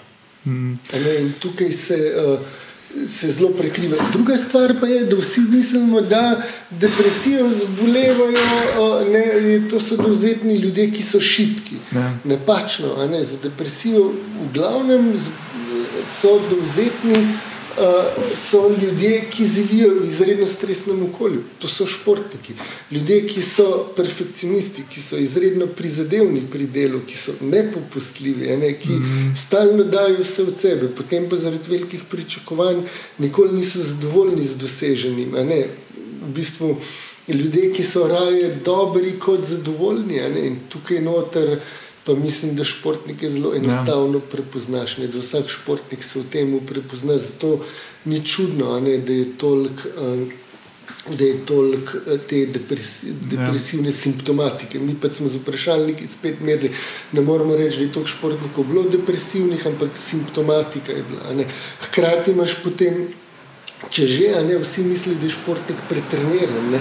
ker simptom, vzrok, globoko not, a ne, v, eh, v notranjosti je, je, lahko, je, je popolnoma drug. Je pretreniranost, je depresija, mm. ampak simptomi na površju so pa enaki. Neka ja. razdražljivost, eh, ne, agresivnost, jezljivost, uh, spisane ali pa preveč se spi, apetit je ali ni. Ne, tako, to, mm. Pa se malo neke muhavosti športnika morda pripiše ne, ali pa pretrenirajosti, ampak lahko gre pa za neko depresivne simptome. Ne, in mi, ki smo rezultate dobili, in tudi ta psihiater, dr. Pišler, ki je z nami delal, ne, on je bil zaprepaden Ne. Mi smo dobili polovico žensk, pa je vzorc, ki ga lahko posplošujemo, mm. je dovolj, čeprav nikoli ni to tako enostavno, ampak polovica žensk, se pravi vsaka druga. Tre, te, 33 so se pravi, dobra tretjina vseh športnikov, ki so sodelovali, se pravi, vsak tretji športnik. Zdaj jaz. Uh, so seveda neke omejitve. Ne. Vprašalniki smo delali, ne, niso bili klinični testi, čeprav tudi pri kliničnih testih je to zelo neupremljivo. Ne. Vprašalniki na splošno. Mnogi učitelji, da prehit prepoznajo, kar je res. Tudi. Čeprav po drugi strani sem sodeloval lani na eni znanstveni konferenci v Mariboru, je profesorica dr. Jureša, ona je Zagrebčanka, je specializirana za družinske medicine, oni rekli, da dajo te teste splošnem duševnem zdravju, uh, ko delajo pri adolescentih preglede mm -hmm. in daleč najslabše rezultate imajo vedno športniki. Ne? Tako da to mhm. tukaj se ujema. Ne? In jaz mm -hmm. ne bi šel to del, že bi posploševal, da ima 50 odstotkov športnic depresijo, kje pa uh, sigurno ne. Ampak ko bi gledal prek tega konteksta, ne, da je problematika, sigurno, ne, da je problem v depresivni simptomatiki, da se precej pogosteje, kot mislimo, športniki spopadajo z njo. Ampak bolj to, če imamo športnika, ki je utrujen, ko nima apetita, ko, ko je malo bolj agresiven, razdržljiv ko imate vzorce spanja podarite, ne, da bi šel v to smer, ne, da pa ni nujno pretreniranost, ni nujna neka muhavost športnika, ne, da je lahko dejansko tudi v zadnji depresija in da se mu ustrezno neko ponoč, morda ali pa mm. neke pristope potem.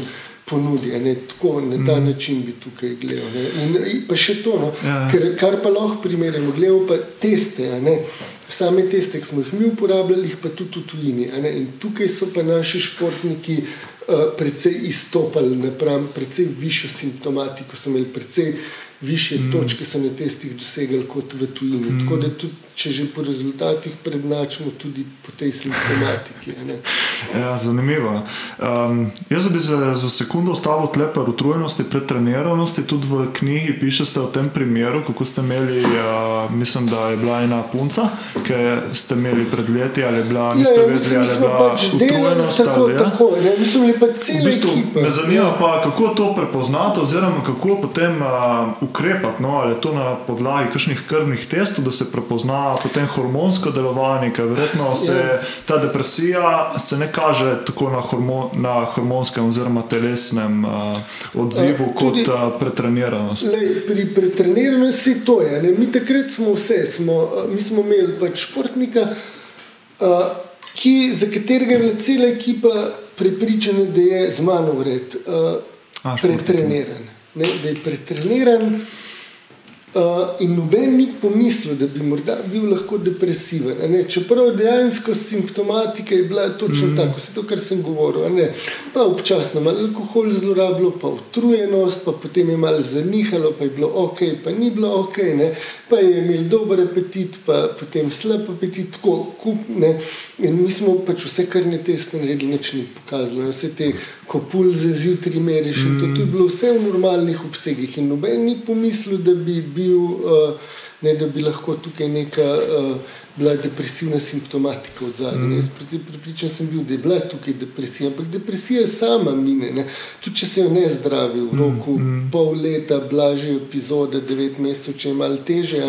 Ampak problem je, ker če ni obravnavane tako, kot je treba, se. Uh, hitreje ponovi se, ker ponovijo se zelo pogosto, tudi če je pomoč.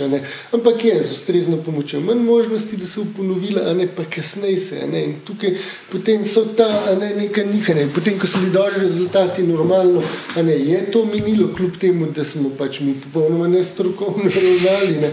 In potem so prišli tudi rezultati po neko spletu okoliščini in zdaj to drži. Ampak vprašanje je, ne, kako bo to naprej. Predvsem smo pa kup enega časa zgubljeni. Mi smo tukaj ogromno ogromno časa izgubili, smo se s tem ukvarjali, ki bi, uh, če bi malo drugače delovali, ne najbrž to precej hitreje tukaj izvenelo. Ne. Je pa, ko pride do nekih sploh blažjih depresij, če govorimo o ne, nekih stanj, ni nujno vedno, ne, da uh, rabiš strokovno pomoč.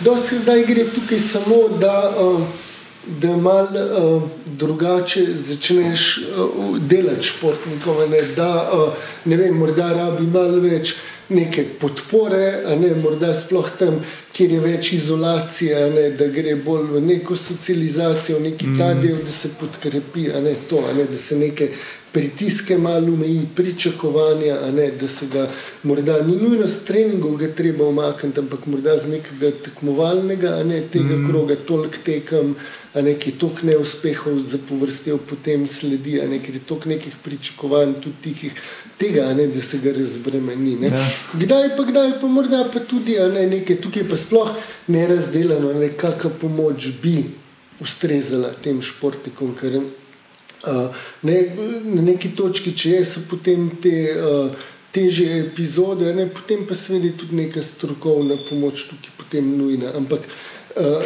tukaj Ne, če govorimo o nekih psihoterapevtskih pristopih, uh, zdaj, koliko je res nekih težjih depresij, si tukaj, ko so potem res te najtežje epizode, ko potrebuje psihiatrično obravnavo, potem uh, si tudi te športniki potem so pisali o dobijo. Mm.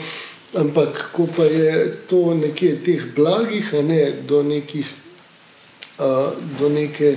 Srednje težkih epizod, kjer bi morali priti na neke pogovore, pravzaprav psihoterapeutom, je pa zelo vprašanje, ne, kaj je res tisto, kar pomaga. Sigurno neka podpora, ne sigurno neko razumevanje, sigurno že to, da nekaj stvari pove v zaupanjem okolju, pa je slišal, mm. kar mnogo krat ni. Ne, že tukaj lahko mnogo odleže, samo tukaj neke globe, da ti pravzaprav te primarne težave začneš reševati. Veš, ko nekdo pride v šport, ki je všel z neke popolnoma disfunkcionalne družine, alkoholične družine, kjer je kup enega nasilja in on pride, ne, on se on tega ne ve. Mm. In tako je normalno, in tako mm. on to pozna, to je njegova edina realnost ali pa mm. neka, neko dekle. Ne ko pride športnica z neke družine, kjer je neke tiranije, kjer je v končni fazi tudi zloraba, lahko ne tudi otrok, vedno misli, da je on kriv, ne, da je on slab, ker je pač starš edina referenca, ne, ne, ne, ne razume. Da je staršem nekaj narobe. Ne? In tukaj potem mnogo, krat sploh pri športnicah, veste, ne letijo na trenerje, kjer, kjer so potem te, te zlorabljajoče naveze, mm. ne zelo očitne. Ampak njim se to zdi, seveda, normalno. Ne? In po nekih vzorcih in tako na nekega takega trenerja potem ne, ne letijo, ne, kjer se ta zloraba, ki je bila v primarni družini, samo nadaljuje. Mm. In, uh, in če zdaj greš ti to rešiti. Potem, če, če športnik vidi ne, te vzorce, ki ne ga žene v nadkompenzacijo, on potem nima več te motivacije, da bi rezultate dosegel. Ne? Ni pa to nujno, ne, da je ravno lih tiste ja. želje ali pa cilj terapije. Ja. Recimo, primer Janja. Brajkoviča, kako je on prišel do tega spoznanja. Ne? Se pravi, kaj je enkrat začel ja, ozaveščenost ja. in potem začel raziskovati, tako, in potem prišel do rešitve. Ja, ampak, kot sem jaz razumel, zdaj, mislim, da je on to že po karieri. Ja, po karieri, če sem prav zastopil, tudi jaz. Ja. Ja. Uh, Ne, tako ja. da tukaj se pravi, ne, ni nujno, da bi pomagal s tem športnikom. Se, če imamo tukaj še želje. Ne, bi bilo tudi cilje. zanimivo, tako malo zdaj filozofsko raziskovati. Mogoče če kažem športnik, ki je full motiviran in ga full žene, ta mogoče neki notranji vzorci. Če mogoče te vzorce, ko si rekel, če jih raziš, razišče in jih potem razčisti, a bom mm. imel isto motivacijo potem za naprej za šport, ali se bo potem umaknil šport. Ja, ne, če tukaj znati kompenzacijo, ne bom. Ne bo, ne. Ne, si to ja. se ve, ne sigurno. Je spet konflikt interesov, ja. zakaj reševati težave, če imamo rezultat spet ima, ja, je problem. Ja. Ja, Vsekakor. Dejansko. Ne. Sploh se ne tako, da. Um, Um, mogoče tudi verjetno to prehodno obdobje iz mladincev v članu tudi sigurno vpliva na duševne zdravje. Ja, se to je daleč najbolj stresna skupina, uh, najbolj renljiva skupina, mm. ker to je obdobje, kjer je povečan stres. Vem, tudi pri nam se je ta skupina perspektivnih športnikov, ne perspektivnega razreda, izkazala za najbolj renljivo. Ne? Blazno visoka, prisotna depresivna simptomatika, eh, problematični vzorci pitja alkohola, mm. anksioznost ne? in tudi motne hrane in odzune ravno tako, ne?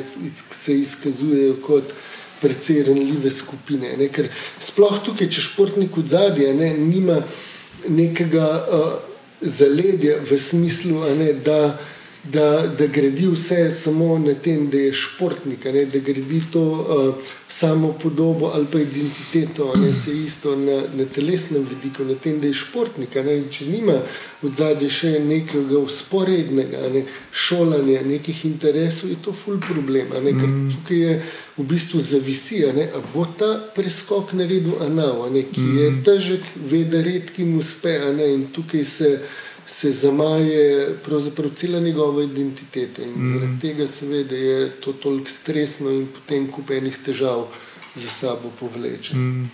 Zanimivo, zanimivo mi je bilo v knjigi, tudi kar si omenil, uh, to, kar meni raziskave, ki si pisal, da je v bistvu tudi ta družbeni pogled na te težave z duševnim zdravjem, ker se mi zdi tudi jaz, pogosto imam tak sem imel to tendenco, no, ko vidimo nekega športnika, ki se sooča z nekimi težavami z duševnim zdravjem, da ga to potem zaznamuje, se pravi, kot neko label se mu da hod na njega. Ta, ta športnik je bil depresiven in to nikoli se ne pozabe v naši družbi. Medtem, ko recimo, če pa gledamo to kot duša, eh, težave z duševnim zdravjem, kot neke poškodbe.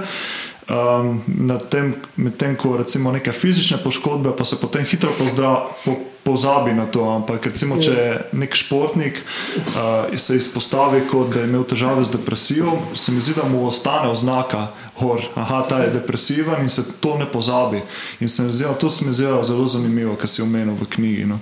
Mislim, jaz sem v knjigi omenil bolj, ne vem, če čist na tak način. A, a, sem, a pa sem jaz malo tega, drugače ja, razumel. Okay, tak, jaz sem tega občutka nimam, da bi tukaj ekstra stigmatizirani te bline ko enkrat se izven izpostavi, ampak ja. je tako, je pa res, ne, jaz sem v tem pisal, ne, da nekako prevladuje splošno mnenje, ne, med lajčnim in pa še bolj med strokovno, da pri športnikih pač teh težav, duševnih motenj ni, ker pač so lahko itak psihofizično zgolj tisti najmočnejši. Mm.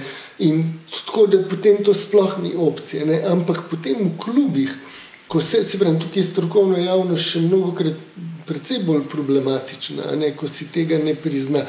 Ne, ko pa se pritiska na športnika, ko se vse z njega venče potegne, potem ko ta zdrsne v neko anoreksijo, ne, ali pa uh, ko se zapije, kasneje, ali pa ko, ko, uh, ko je zapadel v neko depresijo, potem pa, pa se Žal je tudi pri poškodbah zelo velika mm. ta zgodba. Ne? Čim ko športnik ne dela tako, kot bi mogel, se pa to kar pomete. Ne? In pri duševnih motnjah morda še toliko bolj.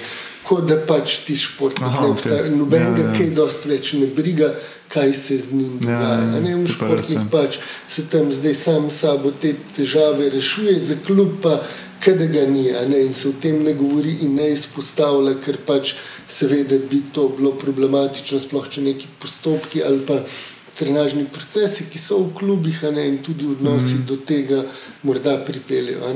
Z tega vidika A, okay. se to. Um, Se to zdaj, da bi pa rekel tisti, ki se izpostavljajo, da imajo vem, tega občutka, pa nima. Moče sem samo jaz dobil tako občutek. Ja. Ja se mi zdi, da se jih dejansko tudi več, vedno več govori. Mogoče je bilo to pred leti toliko, da je bilo malo bolj stigmatizirano, da zdaj je boljše. Ja. No? Mogoče sem jaz malo razumel ja. na tak način in imam že neko sem, ja, ja. idejo v svoji glavi, in potem je to okrepilo. No? Ampak, ja. Tukaj to se mi zdi. Problem je to, da ne zmoremo prepoznavati duševnih motenj v športu ali pa če češ težav v duševnem zdravju, ki jih mm. imajo športniki. Ne, ni samo duševna motnja, to je vse kontinuum, ne so pač mm. neke. Uh, ne gre do nekega, kjer je športnik je popolnoma ok, ne do nekih rahlih psihičnih stisk, ne do uh, do težjih psihičnih stisk pridejo potem ne, v neke blaže in kasneje v težje duševne motnje. Ne, in do neke mere gre to samo po sebi lahko nazaj, ko pa pristopi, pa rabi seveda neko obravnavo. Ne, ampak problem je, ker poškodbe so splošno sprejemljive. Ne, zdaj spet, ne, jaz sam imam to veliko težavo, če je pri mladoletnih. Uh, Nekaj splošno sprejemljivega in normalnega, da, da je sestavni del poškodbe. Mm. Ampak dobro, pri članih spet je odgovoren, polnoletni odrasli vstopa, zdaj če to v zakup vzame, ok. Ne. Ampak ne, dokler ne bojo in po, pri poškodbah točno vemo, ne, Keri treningi so uh, pač kdaj si izpostavljen za kakšne poškodbe. Mm. Znamo pač akutne, kronične, a ne vemo preventiva, kaj je in eh, potem zdraviti zelo dobro znamo.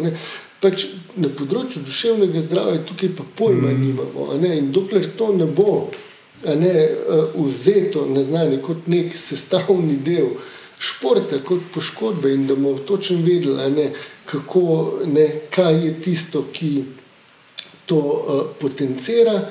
Eh, kaj je neka preventiva pred tem in kako točno postopati, pa imamo še zelo delč od tistega življenja, se mi ja. zdi. Bo pa to se sta tako poškodbe ne? in tukaj.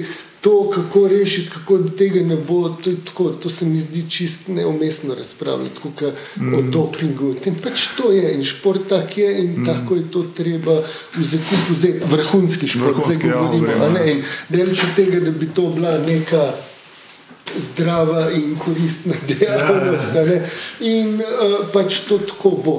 Sam pač dobro je, da se to prepozna, da tekmovalci mm. vejo, na čem so. In kar jaz tukaj se pravi, imam problem in kar se mi pa zdi etično sporno, je pa, ko se to jemlje kot samo umevno pri mlajših.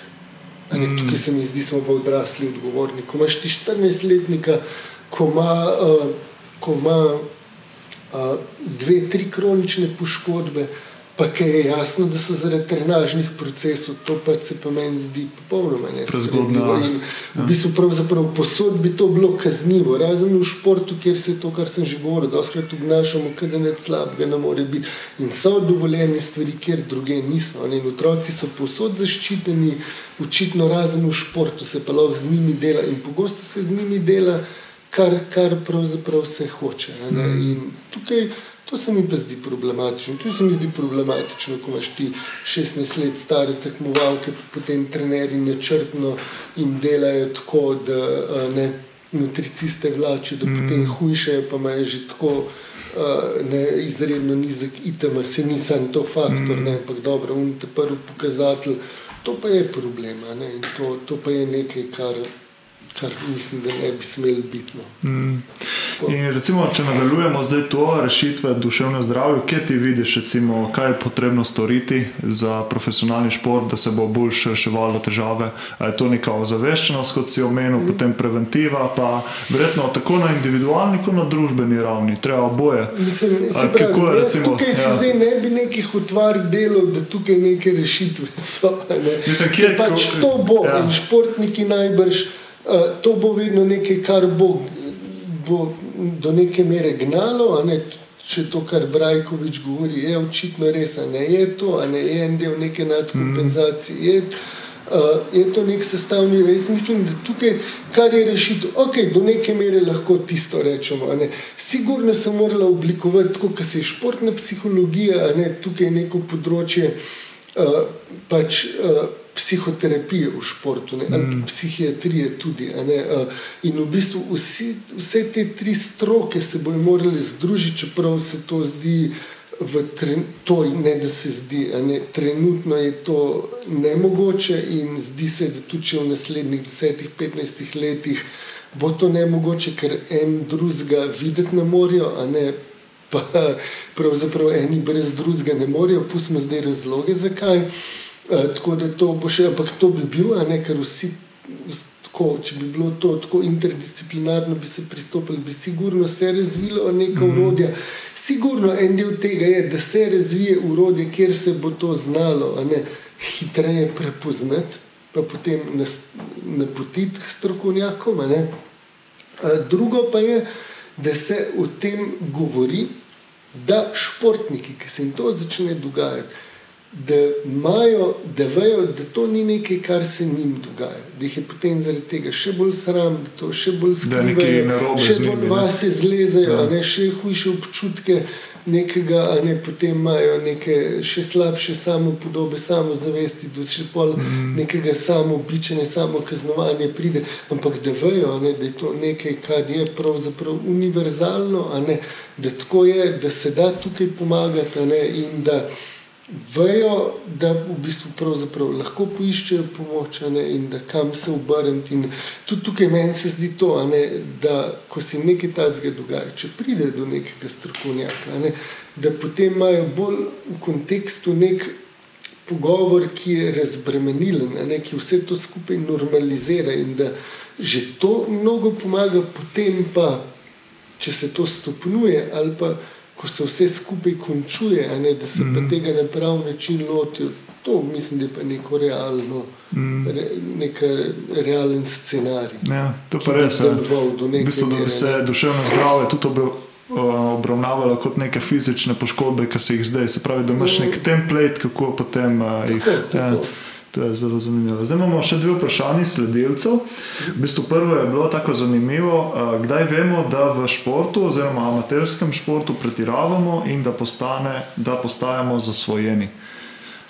Kaj bi ti rekel? Vem, da ni njih tvoje področje, ki si ga pisal. Jaz si ampak... drugače z zasvojenimi delom, tako da kar si zdaj ne znaš. No, kar, uh, kar je predvsej uh, podkovan. Ja, mislim, To, tisti prvi indikator je, ko če nam to umanjka, postanemo razdražljivi. Mm. to, je, to je tisto, kjer, kjer če brez tega ne moremo. Ne?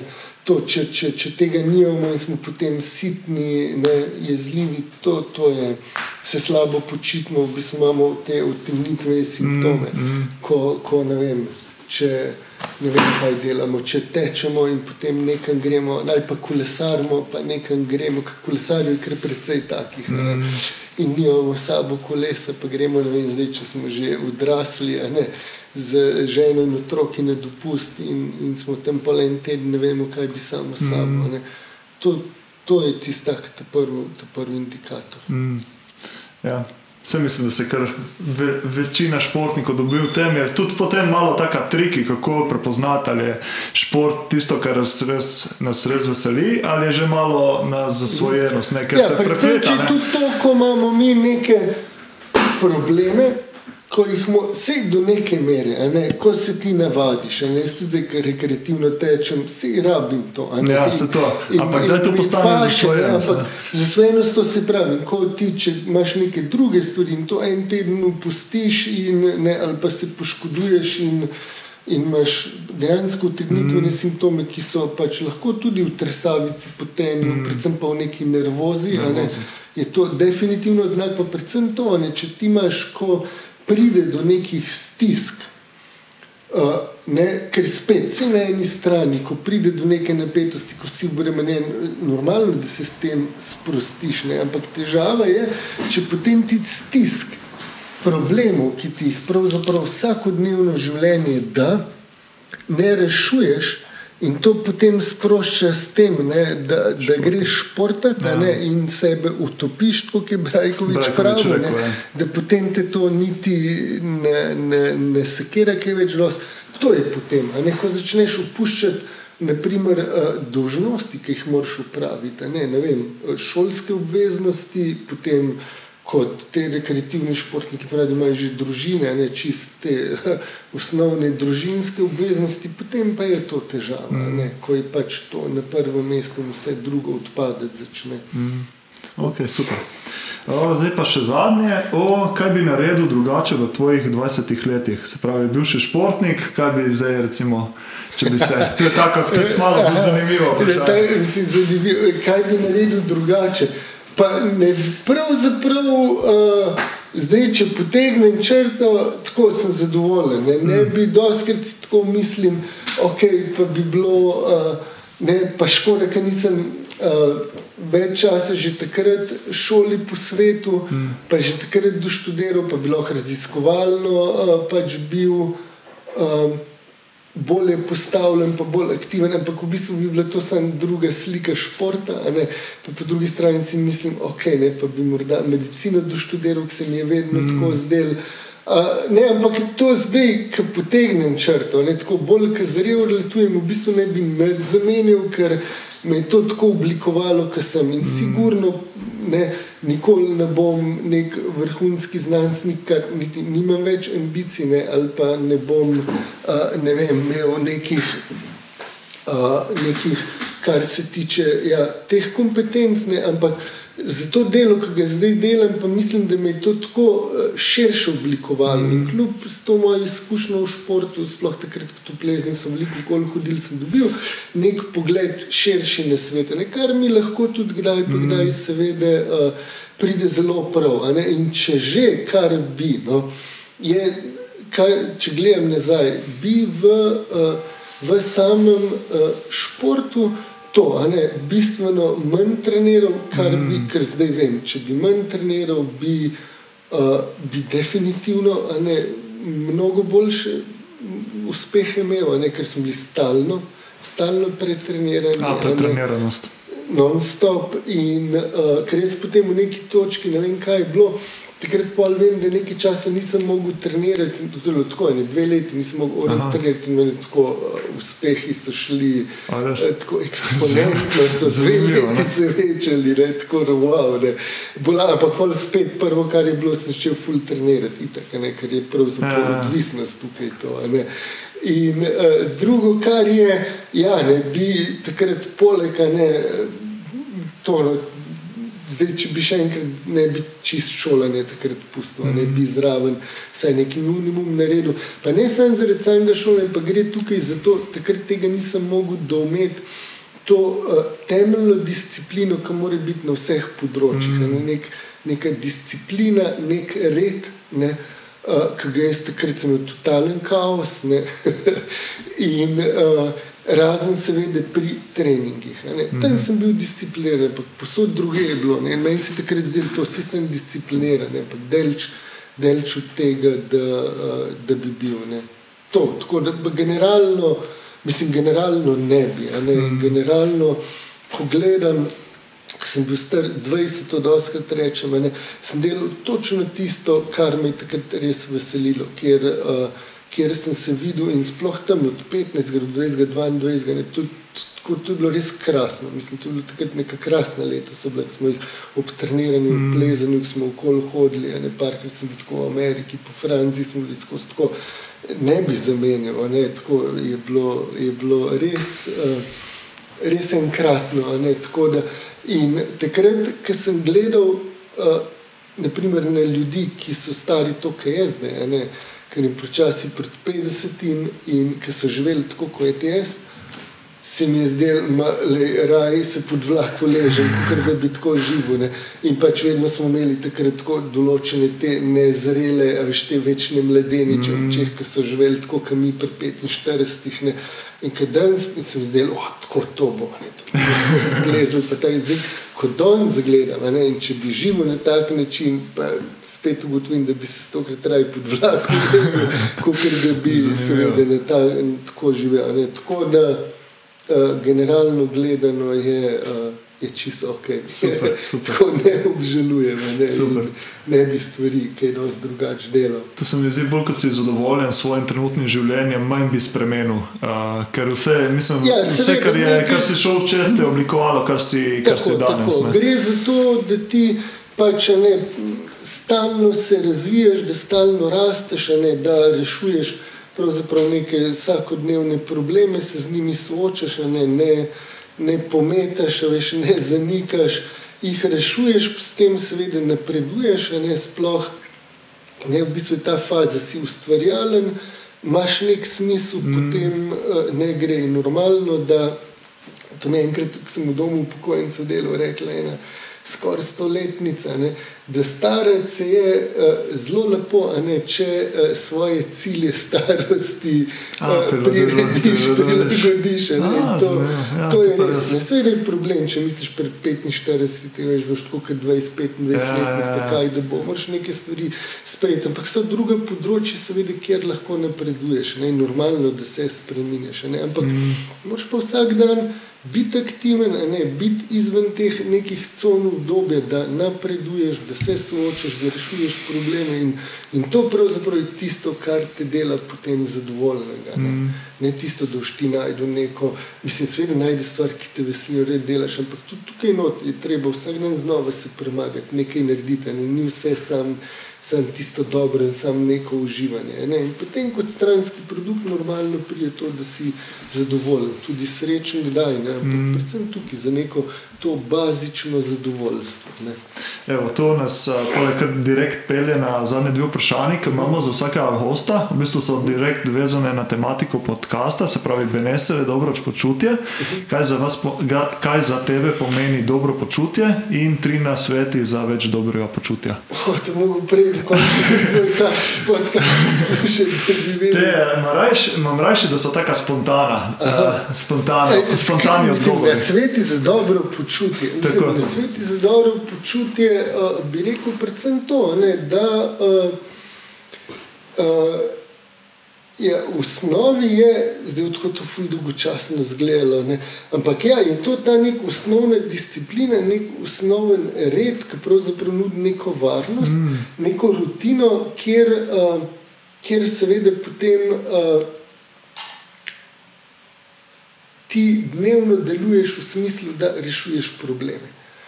Se pravi, kar se mene tiče, ne, je neka dnevna rutina, ki me pripelje do tega, da, da, da sem uh, potem vsakodnevno mm. dobro. In normalno, da se najdeš v stvarih, katere te osmišljujejo, se pravi, da zjutraj rad uh, vstaneš, se veseliš dneva, ne, mm. katerega boš. In da sproti rešuješ probleme. No, to to so kar dolgo težave in to, da rešiš tiste vsakodnevne in ti to dela zadovoljnega. Ne, ne ja. tisto, da hlepeniš potem, da boš užival, ne tako kot Peterson, ki govori, ne to, ko vsi čakajo, da, da bojo uh, se upokojili, pa lezali ja. na plaži ne, in več delali. In potem, če se petih dneh ne počuti slabo, je nekaj narobe s tabo, nekaj mm. pravzaprav to. Reklame, ki ti je turistična agencija prodala v tem kontekstu. Ne. To se mi zdi ta neka osnovna mentalno-fizična higiena, ne, to, da, da si v stiku s svojim telesom, da si fizično aktiven. Ne, mm. da, ne vem, meni to osebno pomeni, da zjutraj 20 minut potelovadim, ne, mm. da parkrat na teden pač odtečem, ne, mm. brez da si čez meni, ampak da se ja. pač prečistiš, veš, da si pač redno v stiku z naravo. To, ne.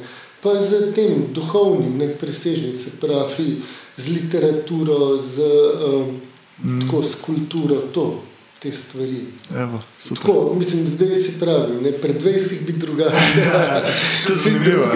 Ker to dobro počutje je tako abstraktno ja. pojem in potem mi tako vsak gost malo drugače pove, ne, ampak vidimo neko to nišo, se pravi neka kombinacija fizičnega, psihičnega, duhovnega. Ne. Ja, in to je prepletanje. Človek je zasegel tega trojnega prepleten mm. in, in je to pač ne, vse te dimenzije ne sestavlja in se preplete. In vsake je pomembno, predvsem duhovno se pa precej, precej zanemarja. Kar pred 20 mm. ni problem, zdaj je starejši, ki si bolje pri to pomembno mm. in bolj prazno življenje retuje, če seveda ni ta komponenta poudarjena. Mm. Tako da, uh, ja, to, to se mi zdi, no, so stvari, ki so. Super ki so pomembne. Evo, tudi to zdaj zaključujemo počasi. Eh, hvala, Ura, za udeležbo, super pogovor. Me, sem siguren, da bodo poslušalci veliko odnesli od tega. Eh, zdaj lahko še deliš, kje te ljudje spremljajo, oziroma tvojo knjigo, um, ki jo lahko dobijo in tako naprej.